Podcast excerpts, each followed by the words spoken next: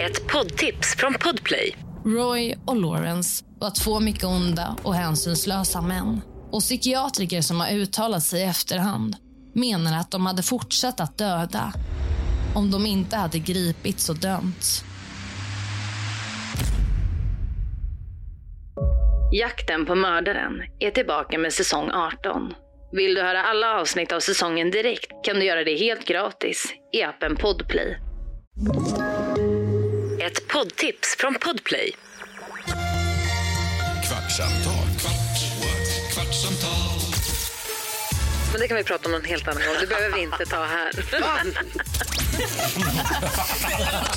Vi, vi var snabbt in och snabbt ut. Eh, det är ingenting man vill höra. Kvartsamtal med Gry Forssell med vänner. Då de passar på att ta upp de där ämnena som inte riktigt passar in till din frukost. Nytt avsnitt varje dag på Podplay. Okej, är vi igång? Yes, vi rullar. Vad sa du? Vi rullar. Åh gud, det här kommer bli ett svårt avsnitt. Det här kommer bli så jävla svårt!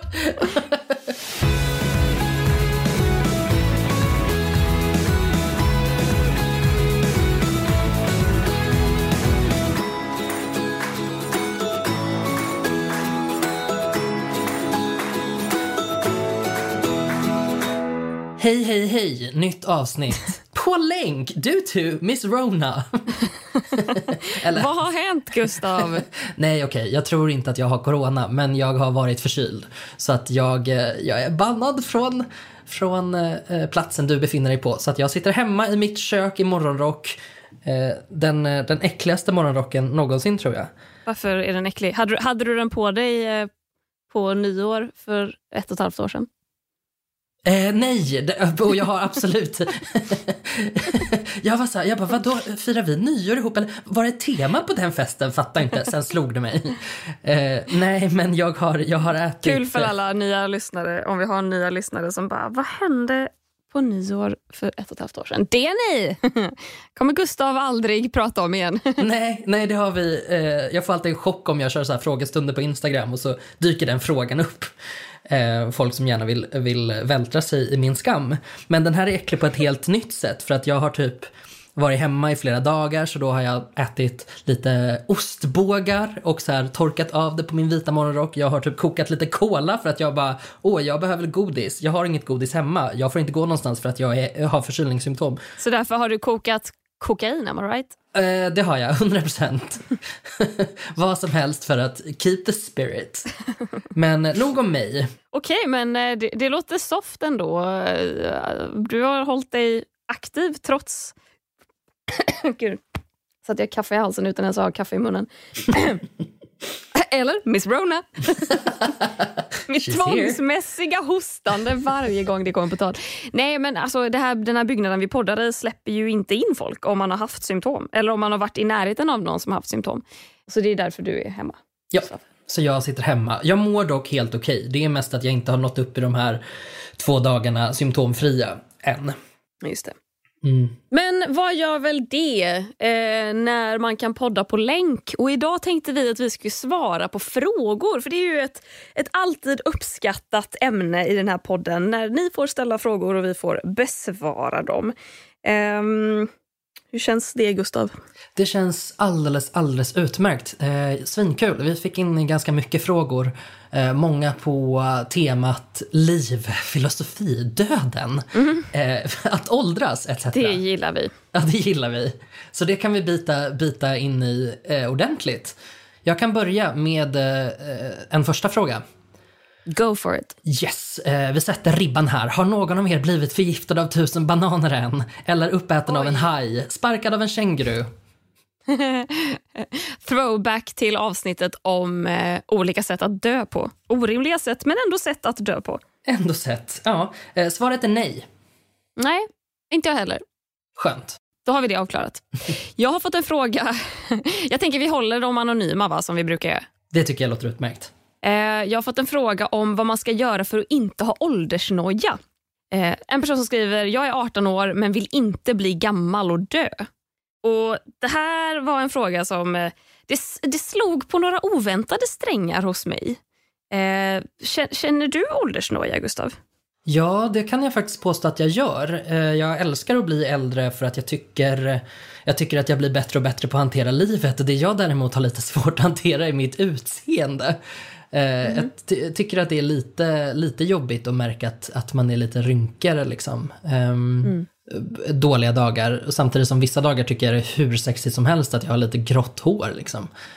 Ehm, Jag har inget bra sätt för att hantera det mer än att försöka ta hand om sitt välmående i stort. Liksom.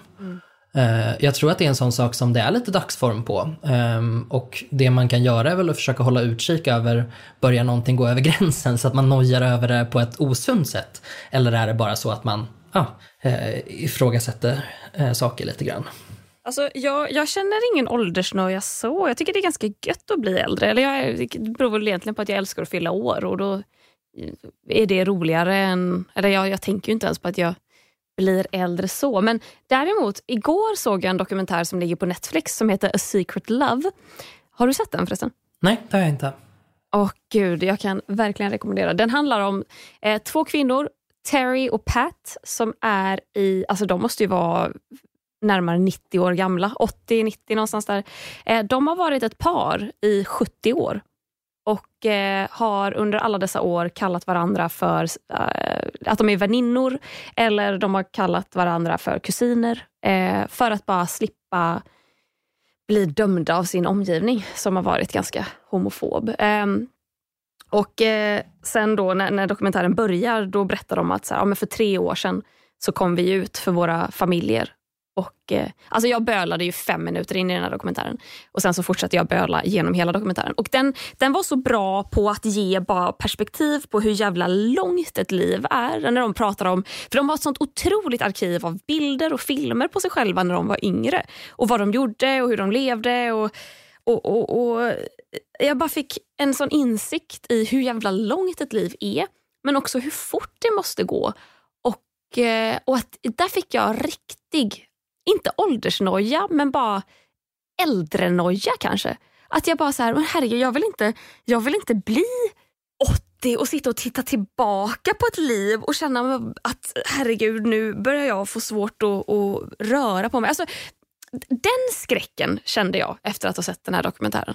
Ja, jag kan också känna, känna den skräcken för att jag tänker eh, lite grann på det här med att ensamhet är så himla vanligt när man är äldre.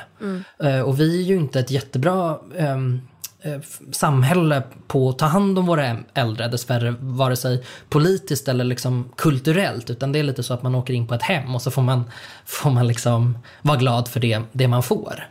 Eh, Det, det kan jag bli, bli lite rädd för så att man, eh, att eh, gud, tänk om för jag är inte så himla säker på att jag till exempel vill ha eh, barn. Eh, och då kan jag bli lite rädd för att innebär det att jag kommer vara där själv då, när jag är gammal. Ja, fan den är läskig. Men där tänker jag att en syskon får ju barn och dina syskon har ju redan barn. Och gud, det har jag faktiskt inte tänkt på.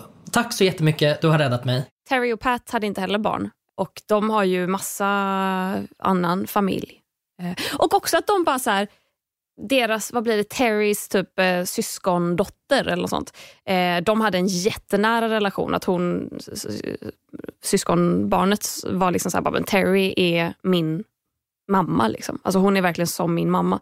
Ehm, och de hade en så nära relation och att när hon då fick veta att de var ihop och hon förstod att så här, men gud, ni har ju liksom en stor vänkrets som vi inte ens vet vilka de är för att det här är era liksom, andra gayvänner som ni har lärt känna för att ni har varit gay och inte har kunnat komma ut med det här. Att då blev jag så här, då fick jag ytterligare en tår i ögat för att då var det så här, bara, men gud, jag har också min gaykrets och det betyder så mycket. Och att man bara insåg att så här, gud, familj är det man gör det till. Men för att återkoppla till åldersnojan så jag vet inte heller hur man hanterar den. Man får väl bara acceptera att man en vacker dag kommer dö. Men här ställer jag också mig själv frågan, för att Terry och Pat de är så jävla gamla och att jag blev så... Dels fick jag skräcken liksom, att, så här, att se sin partner bli gammal och få svårare att gå och liksom bli lite virrig och sådana grejer. Men också att jag bara, vill, vill man hellre, om man nu är i en relation som pågår så länge och man blir gamla tillsammans, vill man vara den som dör först eller vill man vara den som blir lämnad kvar? Det är en helt omöjlig fråga att svara på. Jo, fast jag vet vad jag vill. Ja, du vill dö först. Absolut. Ja, jo, men det vill jag också, men samtidigt så tänker jag att jag, jag tror ändå att jag hellre tar den bördan själv Ja. än Än att lämna den på din partner. Ja, exakt. Eh, Men samtidigt så skulle jag ju vara död. Att, och jag tror kanske inte att, alltså jag tror inte att jag skulle känna så mycket efter det. Det är min personal belief.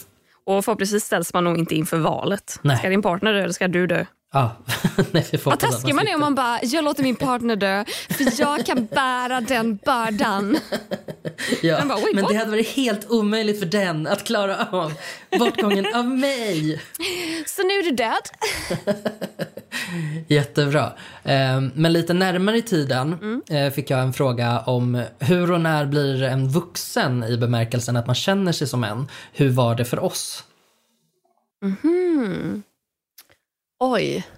Alltså för mig tror jag det var att jag började göra vuxna saker. Jag satt liksom och betalade amortering på min lägenhet efter att jag hade plockat ur diskmaskinen och hade lagat en middag ur liksom matcirkelns, eh, vad, vad heter det? Alltså tallriksmodellens goda, goda formulering. Liksom. Ja. Men sen har det också flippat över. Så på sen, alltså typ så senast förra veckan satt jag och käkade chips till middag. Och det fick mig att känna mig vuxnare än någonsin. För om det var någonting jag absolut inte fick göra som barn så var det det. Ja, men det, det stämmer faktiskt. Jag tror att samma Så sak det är ju ett gäller mig. barnsligt beteende, men det är ju vuxenheten som möjliggör det. Precis. ja, jätte, jättesant. För mig tror jag att det var när jag fick mitt första typ riktiga jobb eller vad man ska säga.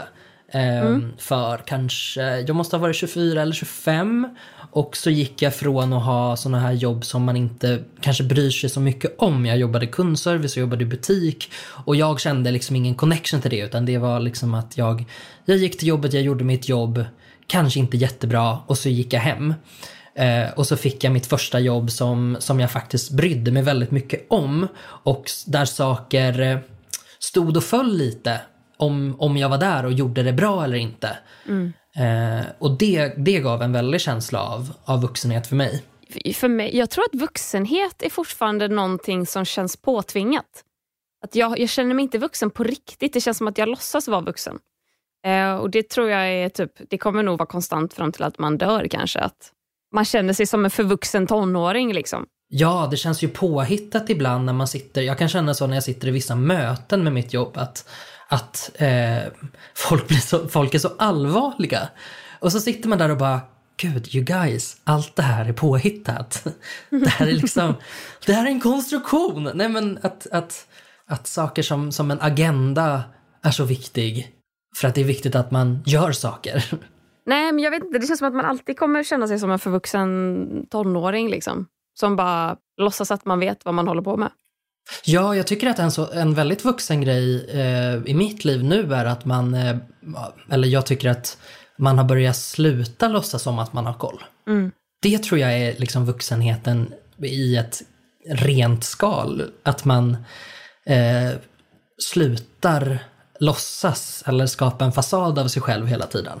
Det, för det, det verkar vara det som, om man lyssnar på äldre människor så som berättar hur, hur det är att bli äldre, så tycker jag alltid att de säger att så här, ah, men när jag blev 50 då kunde jag verkligen vara mig själv. Ja. Ehm, det känns som att man, man släpper de kraven mer och mer. Sen så tycker jag att det är olika ryckigt i olika åldrar. Alltså nu, nu fyller jag snart 30 och jag tycker att ena dagen är jag så himla tillfreds och så nästa dag så känner jag mig som att jag är 20 och inte har en aning om vad jag vill göra i mitt liv. Ja, alltså livet känns ju som ett, Ehm, ett spektrum av färger snarare än en konstant linje. Liksom, där du först är yngre och sen blir du äldre. Det känns som att så här, olika åldrar har olika, liksom, olika grejer som är olika viktiga för en. Och Det som var viktigt när jag var mellan ja, 10 och 15 var inte samma sak som var viktigt mellan att jag var 15 och 20. Och det är absolut inte det som var viktigt för mig förra veckan. Liksom. Och jag kan tänka mig att eh, det som har förändrats är att jag har gått från att vara väldigt obrydd som barn, att då leker man, man springer omkring, man bara så här gör det man vill och så faller den in och så blir man sur för att man inte får äta godis alla dagar i veckan liksom, och det är det enda man bryr sig om. Till att plötsligt så är man så himla brydd för man ska hitta sig själv och man ska förstå och lära känna vem man nu är. Vem bor inuti den här konstiga, konstiga kroppen där dessutom allt är fel på den kroppen.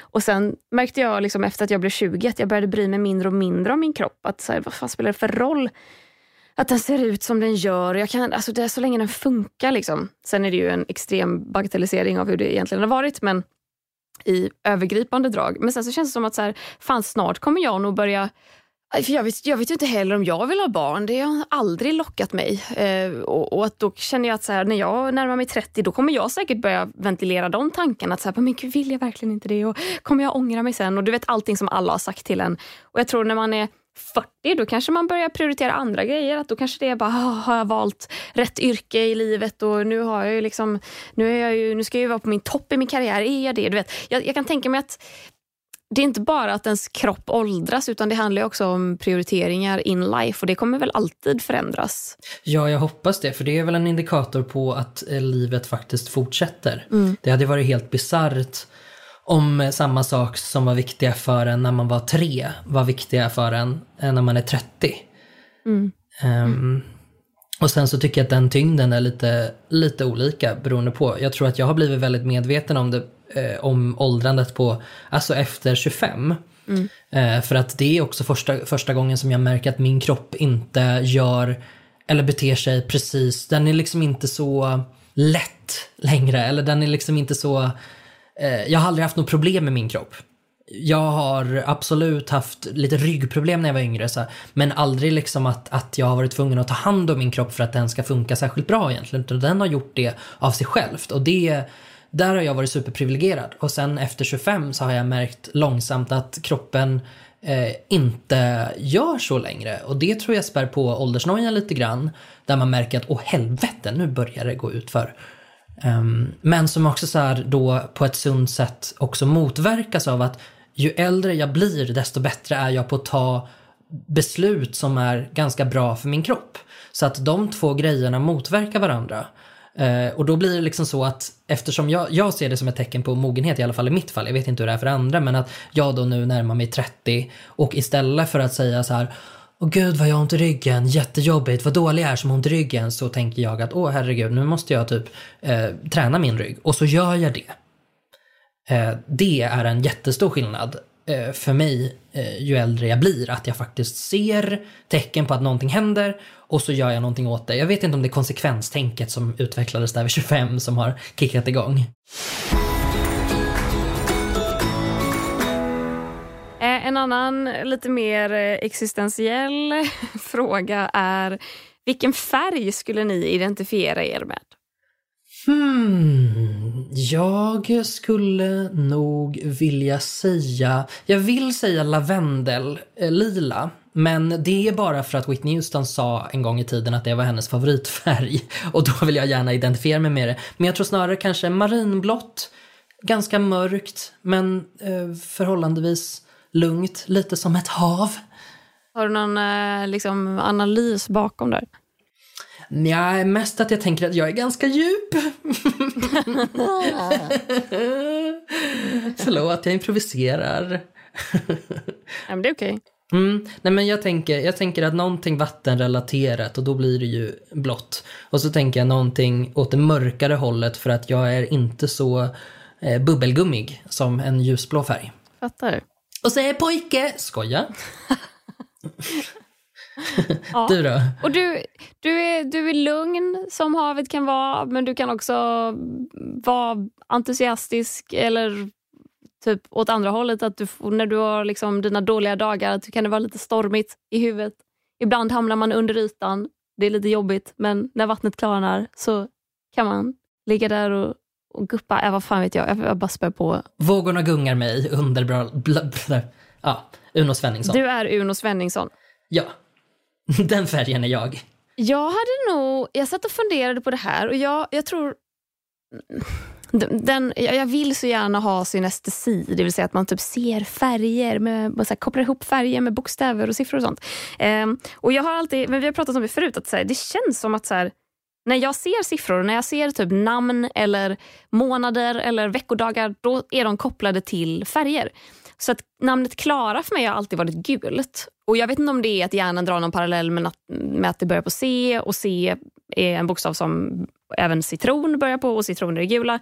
Men jag tänker att så här, men gul kanske är en färg för mig. För jag tror att så här, gul är en varm färg. Och Jag tror jag ser mig själv som en varm människa. Jag är inte så himla Jag vill vara inkluderande, jag vill vara trevlig mot alla jag möter. Men samtidigt har jag min, integ- min liksom integritet. Jag tror att gul kan för många vara en ganska stickig färg, att man inte riktigt förstår sig på den. Och det kan jag tänka, för att jag är så himla djup och svår, eh, att folk eh, kanske ibland inte gör med mig. Jag kan vara lite provokativ, jag kan sticka folk i ögonen. Mhm, det var en ganska bra analys. Does it make sense? Visst, men jag tycker ändå det är en här... Alltså typ, tänk lite senapsgul. Alltså det är en varm, god färg, höstig färg. Man skulle vilja äta en soppa av som är gul. Den gula färgen. Ja, det är intressant för att jag tycker att båda färgerna som vi, eh, min färg och din färg, är faktiskt färger som vi klär oss i. Båda två, särskilt senapsgul för din del. Ja, absolut. Jag gillar senapsgult. Mm. Ja, men jag gillar också det. Och jag gillar marinblått. Ja. Eh, så i grunden kanske vi gillar oss själva då. Förmodligen. Väldigt mycket tror jag. Jag tror det. Eh, Men en fråga på, på ett liknande tema. Om, en fråga till mig. Om Klara vore en frukost, vad vore hon då?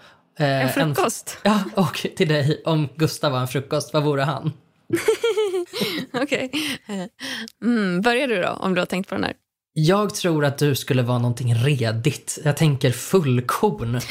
eh, det är inte några bortslösade kalorier här, utan allt har ett högt näringsvärde. Fy fan vad tråkigt. Nej, vadå? Jag tycker du är en redig människa. Ja, jag uppskattar liknelsen, men vilken tråkig frukost att äta. Jag tycker att det låter gott. Mm, havregrynsgröt kanske. Kanske. Okej, ja, men Gustav, jag tror att du hade varit en... Jag tror att du hade varit, alltså, när man går på liksom, eh, Greasy Spoon eller någon sån brunchställe som är lite nice, då hade du varit ett, eh, ett gött jävla bröd med, eh, och, och här kommer det, mosad avokado eh, och typ lite äggröra och så sprinklat med lite chiliflakes. Och, här, och pocherat ägg såklart. Ja, det pocherade ägget är väldigt viktigt. Där, För här där jag- satte du ägget på toasten. Sa jag scrambled eggs? Vad, vad heter det? Äggröra? Sa jag äggröra? Ja. Ja, jag, kan, jag, jag byter ut den mot det pocherade ägget. Mm. Vi kör... Ja. För jag tänker så här, du är mångsidig. Du är både kreativ men du är också så här strukturellt logiskt smart. Du, du, du gillar flum men du gillar också struktur. Och det är liksom det här att det är både fucking ägg och avokado och ett bröd och så lite starka chiliflakes på det. Att det är det här åt alla håll. Eh, mycket smaker. Eh, men också, fan jag hade någon annan tanke som jag improviserade fram här nu som eh, såklart försvann. Eh, jag tror, ja men du är, så här, du är ett gott bröd liksom. Du är det här som, som man kan, man, det ska ta sig tid. Ja, men typ, du, det är nog ett surdegsbröd. Att du behöver din omtanke. Eh, man, kan inte bara, man kan inte bara slänga ihop en Gustav sådär utan man behöver visa att man är värd din eh, kärlek och respekt. Åh herregud, det här var så mycket finare när jag bara, du hade varit ett fullkornsbröd.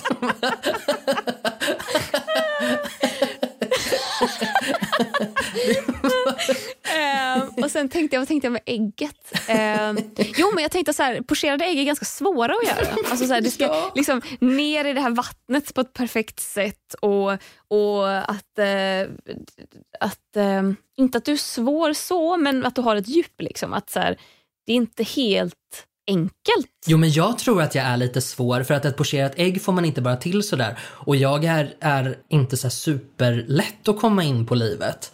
Så, och det är väldigt lätt att, eh, att fucka upp det pocherade ägget. Och så är det ju lite grann med min, med min ångestiga sida. Liksom, att det är väldigt lätt för mig att sluta lita på folk och tänka att så här, Exakt. Mm. du gillar inte mig va? Eh, Så att där är jag nog ett pocherat ägg. Precis det jag menar. Och då, min sista poäng med avokadon är att alla, förutom du Gustav, gillar avokado. Och du är så himla likeable. Alla gillar dig. Du, du är lätt, lättsmält, även om du är svår som ett pocherat ägg. Boom! Nailed it! Alltså du nailade det så mycket. Jag kommer av mig helt och fullt nu. jag vet inte allt. Det var... Mm, det var eh, Och du bara, du är som en fullkornsmacka. Ja, men jag tänker alltså, men för mig är det också det finaste jag kan säga. För att det finaste man kan göra eh, med sig själv är att ta hand om sig själv. Och jag har varit väldigt dålig på det och du har varit en sån himla tongivande röst för mig att börja ta hand om mig själv. För att jag tycker att du är en sån som är bra på att ta hand om dig. Så att, Vad fint! Ja, men jag uppskattar det. Det, det, bara, det låter ju väldigt kul. Bara. Men, men eh, jag, jag gillar att du sa att jag var redig. Ja, men det är det ju. Du är ju absolut min redigaste kompis. Finns ju ingenting som sitter fast. Du bara absolut, vi fixar det. Man bara okej, gud vad skönt. Perfekt. En annan väldigt rolig fråga. Det här skulle jag vilja hävda är ja, men typ den roligaste frågan vi har fått in till en Q&A. Oj! Ni får helt fria händer att göra en egen mellanakt i Mello. Hur ser den ut? Så jag tänker Gustav, vi gör en tillsammans här och nu. Vi behöver inte komma på varsin egen utan vi, vi kan bygga ihop en tillsammans. Ja. Ehm, jag tänker glitter. Gli- absolut glitter. Mm. Jag tänker direkt sceniskt, så att nu ser jag färger och då tänker jag att naturligtvis så använder vi våra färger. Vi använder det djupblåa i lågdagrarna, vi använder det gula i högdagrarna. Kanske lite åt det röda hållet. Jag, jag, jag gillar ju när de gör eh, sketcher, alltså förinspelade grejer som sen går in i någonting som händer på scen. Och, och då menar inte jag den här Vadå? Har det börjat? Ah! Så springer igenom Sverige medan man tar på sig glittriga klänningar och boom så bara har vi klippt till live när man springer in på scen och bara vänta, vänta, har vi redan börjat? Utan så här, att man legit så här, gör någonting snyggt, att man kanske gör som en musikvideo. Man, om man sjunger någon mellanakt och så gör man en video som, som sen liksom fortsätter in på scen på något sätt. Ja, Och så tar man in massa roliga kändisar och sjunger Jag med tänker dem. att en, en referens som jag väldigt gärna vill använda mig av är eh, Melodifestivalen år 2000, året efter Charlotte eh, då Nilsson hade vunnit och vi hade Eurovision här. Jag minns det som igår. Ja, precis. Jag också. De plockar upp alltså varenda svensk artist som någonsin har funnits i princip. Det är Lena PH, det är Carola. Carola har på sig en, en, en, em, en kappa i komönster och det är Lasse Berghagen och det är Lasse Holm och det är alla lassar man kan tänka sig. Och någonting sånt hade ändå varit kul och så här, teach the children. Ja, men lite... För ofta när Mello gör såna allmänbildande grejer så är det ju väldigt torrt. Exakt, och där skulle vi kunna göra det på ett väldigt roligt sätt. Jag tänker Ja. till exempel att Carola är väldigt lätt att göra någonting roligt med för att hon är kul. Det är ju kul bara hon åker tunnelbana. Ja, men exakt. Har du sett eh, Edvard af Siléns, men det är klart du har, men jag, det är en retorisk fråga. Men har du sett Edvard af Siléns Love Love Peace Peace som Måns Zelmerlöw och Petra Mede gjorde eh, Mello, eller Eurovision 2000? Ja, var det efter att Måns hade vunnit 2016? Jag tror det och eh, svaret är ja, 100% ja. Jag älskade det så mycket. Jag vill ha upp varenda liten farmor på scenen som spelar trummor. För det är ju den bästa mellanakten i Eurovisions och Melodifestivalens historia. Mm. Ja. Tätt följd av jag och Alcazar-tjejen. Exakt, det var precis dit jag ville komma. För att är det, är, det någonting, är det någonting som jag tänker på väldigt ofta i mitt liv så är det det mellannumret. Det, dyker upp så förvånansvärt ofta. Ja, det är ändå det är positivt. Nej men så det kan vi ju köra en repris på. Okej, men sammanfattningsvis då. Eh, vi ska ha alla farmödrar som finns. Vi ska även ha Sveriges alla artister. Det ska vara allmänbildande men samtidigt skojigt som fan. Det ska ha musikvideokänsla och det ska gå i tonerna av marinblått och senapsgult. Ja, men det är en ganska bra brief tänker jag. Den kan vi väl skicka in någonstans. Vi, vi, vi mejlar den till Edvard af Sillén och så ser vi vad han sätter ihop. Det- var faktiskt en väldigt bra fråga. Jag, jag tar ner oss på jorden igen och frågar, eh, hur går livet? Hur går livet? Hur är läget? Ja. Bilen går bra? Ja. Men alltså, jag måste säga att jag tycker att livet eh, det går bra nu. Det, det känns lite händelsefattigt, måste jag säga. Men, eh, men, eh, men jag tänker att jag, den, den är överkomlig för att man vet att det handlar om en global pandemi snarare än att man själv är dålig på någonting. Dålig på att vara kreativ, eller dålig på att hitta jobb eller dålig på ditten och datten. Mm. Ehm, men, men spontant skulle jag säga att livet går bra. Alltså, så här, jag trivs där jag bor, jag trivs med vännerna jag omger mig med. Jag har jobb. Ja, Ja, inte, inte mycket att klaga på. nej jag har inte så mycket att klaga på. Mer än att det är lite händelsefattigt. Ja, nej men eh, jag kan nog skriva under på det. Jag tycker också att livet går bra. Ehm, jag ehm, mår helt okej. Jag har lite mer ångest än vad jag hade där innan sommaren när jag bara Åh, allt går toppen, nu ska jag sluta min KBT. Det ska jag inte göra, vill jag lova. Eh, utan den fortsätter. Men, eh, men eh, livet på det stora går ganska bra. Jag har liksom inget, ingenting eh, att klaga på. Eh, och, och det kanske, det kanske känns tråkigt faktiskt. Det är nog första gången på väldigt många år som jag känner att jag faktiskt vill att det ska hända lite mer. Det, det har liksom nått kulmen för mig i min lilla introverta varelse. Eh, det här eh, att jag inte får göra saker. Jag vet inte om det är det. Att så här, ja men jag, oavsett om de har öppnat våra gränser eller inte så tänker jag att jag kommer absolut inte resa så länge eh, pandemin pågår på det här sättet. Eh, men jag har aldrig varit så sugen på att resa någonsin. Nej, alltså gud, jag relaterar så mycket. Mm, ja, verkligen. Att, att, att jag känner, att jag känner ett, ett behov. Och det gör mig lite rädd för jag tänker om alla känner det här behovet. Nej, alltså jag tror alltså folk kommer börja resa och flyga som aldrig förr.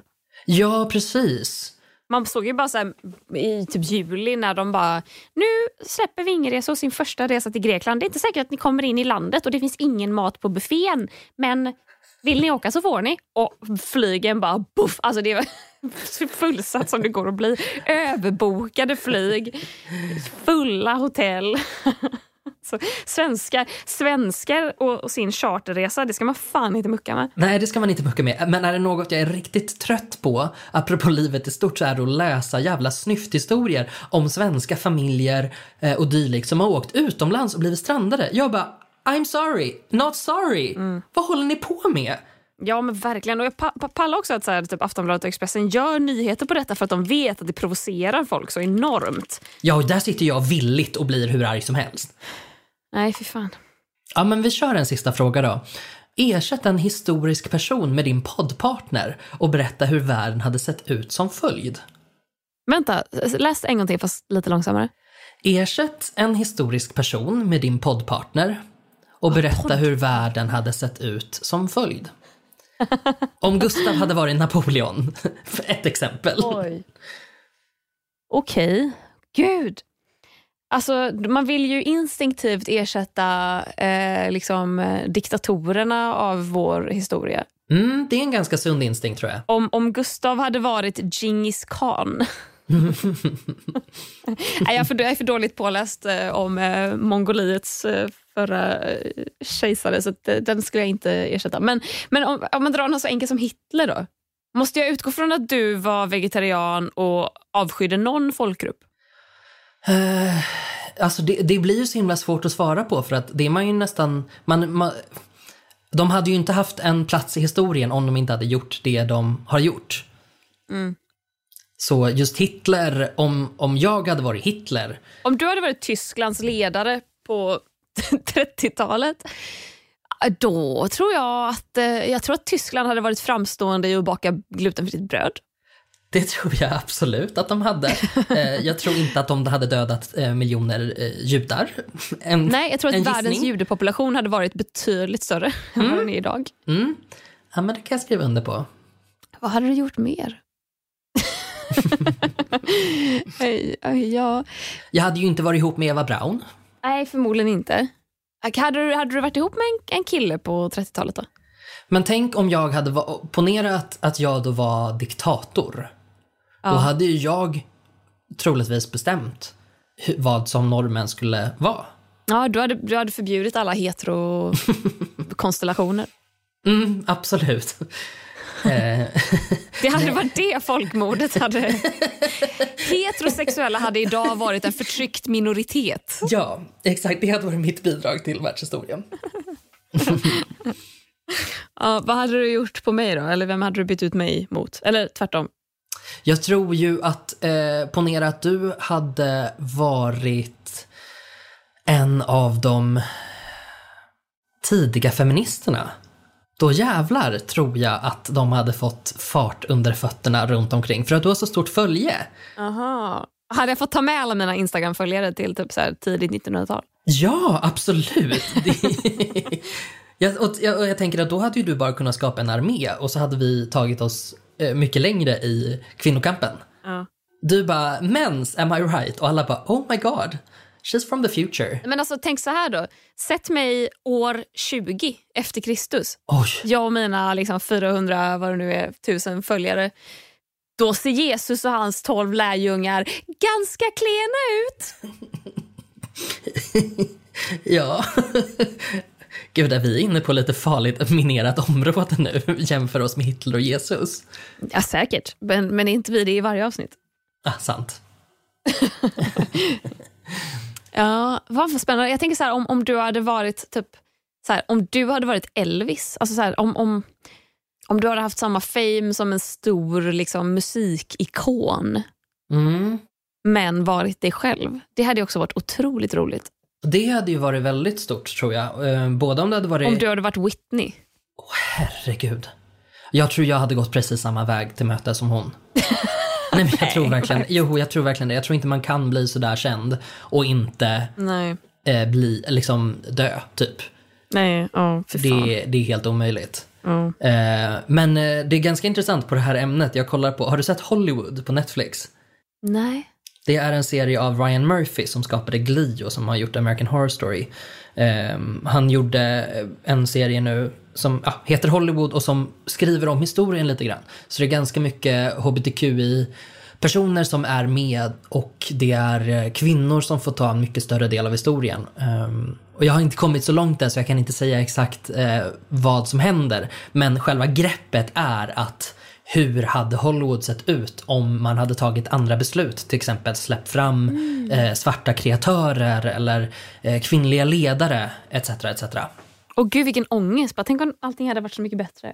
Ja, jo men precis. Eller vilket det förmodligen hade varit. Men, Ja, ja, det hade ju varit bättre om du hade varit med 20 efter Kristus i alla fall. Det kan jag ju hoppa upp. Fullkorn åt alla.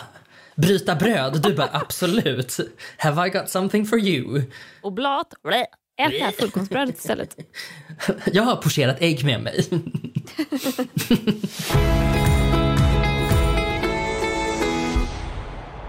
Gustav, har du något eh, moment of the week den här veckan? Ja, jag har det. Jag, eh, jag skulle ju kunna ta den enkla vägen ut och eh, whina lite om min förkylning. Eh, men jag vill istället berätta om eh, en saying som eh, Sofie, min bästa kompis, eh, kom med häromdagen. För att hon var orolig över en grej och var lite, eh, lite rädd för att en sak som hon höll på med skulle uppfattas på fel sätt eller man skulle inte uppskatta gesten fast det i grunden var någonting väldigt bra hon gjorde, någonting väldigt snällt hon gjorde. Och då så sa hon så här, hennes nya tankesätt är, kan man inte be om ursäkt för det kan man inte ha ångest över det. Och det här eh, talesättet tar jag med mig nu för att jag har så ofta ångest över orimliga saker och tänker att jag har sagt eller gjort någonting dumt.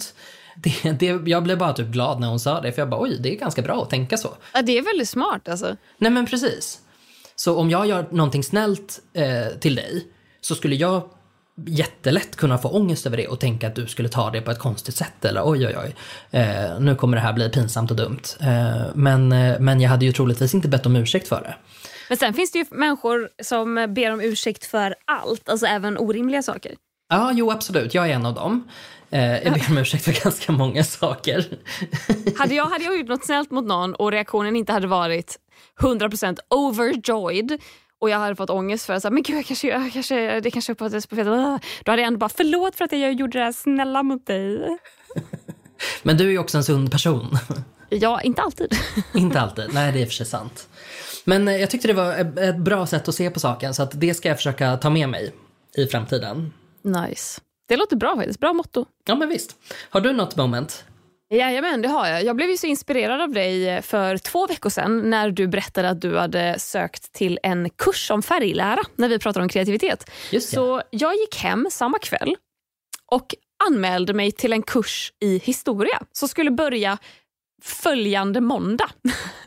och jag kom in på fredagen. Eh, och plötsligt så fann jag mig där med liksom så här, mm, på biblioteket eh, inne i stan och, och letade kurslitteratur. Och, och, och, och här är jag nu och håller på och läser om eh, 1300-talets pesten och orsak och ansvar och, och eh, hur det speglas i dagens populärkultur. och eh, Bibeln står på min lista över kurslitteratur och jag är bara så osäker men även lycklig i det här beslutet. För att, ja, jag har ju pratat här tidigare om hur mycket jag vill plugga, hur mycket jag vill lära mig någonting. Och nu gör jag det. Det är ju helt fantastiskt. Shit vad roligt. Då kommer ju du kunna svara exakt på vem du hade varit i historien. Eh, om man hade bytt ut dig och vad som hade hänt. Så vi får ta den frågan lite längre fram. Boccaccio, Florens, 1300-talet. Absolut. Det är jättenice. Eh, jag, eh, jag har ju hoppat av min kurs i färglära eh, för att jag insåg att jag inte har tid att genomföra den. Ja, men det är sunt beslut. Mm, det, blev ett sånt, det blev ett sånt beslut faktiskt. Ehm, men, eh, men jag är väldigt glad att du, att du läser någonting som du tycker är kul. Ja, ja men tack. Så, så om, om någon lyssnar här pluggar historia på Lunds universitet, eh, hör av er och berätta för mig hur fan man skriver en inlämningsuppgift, för jag har ingen jävla aning. Åh, det kommer bli jättebra. Ja, jag hoppas det. Jag ska bara lära mig källhänvisningar, hur fan man författar sånt. Men det löser sig. Det löser sig. Ehm, men fantastiskt, vi, vi tog oss igenom det här avsnittet på länk. Ja, bra, Bra jobbat. jobbat. Ja. Vi klappar oss på axeln och eh, så hörs vi igen eh, nästa vecka. Ja, det gör vi. Ja. Ha det så bra. Hej då! Puss hej.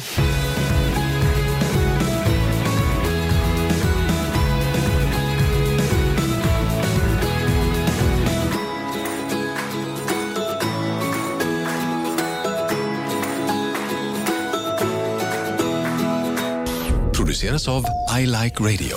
I like radio. Nu startar fotbollsfesten på Circle K. Testa våra nya french hotdogs och dressingar med smak av hela fotbolls-Europa. Italiensk parmesan, nederländsk ostdressing och engelsk sour cream and bacon. Just nu köper du en för 35, två för 59 eller fyra för 99. Vilken är din vinnare? Vi ses på Circle K i sommar.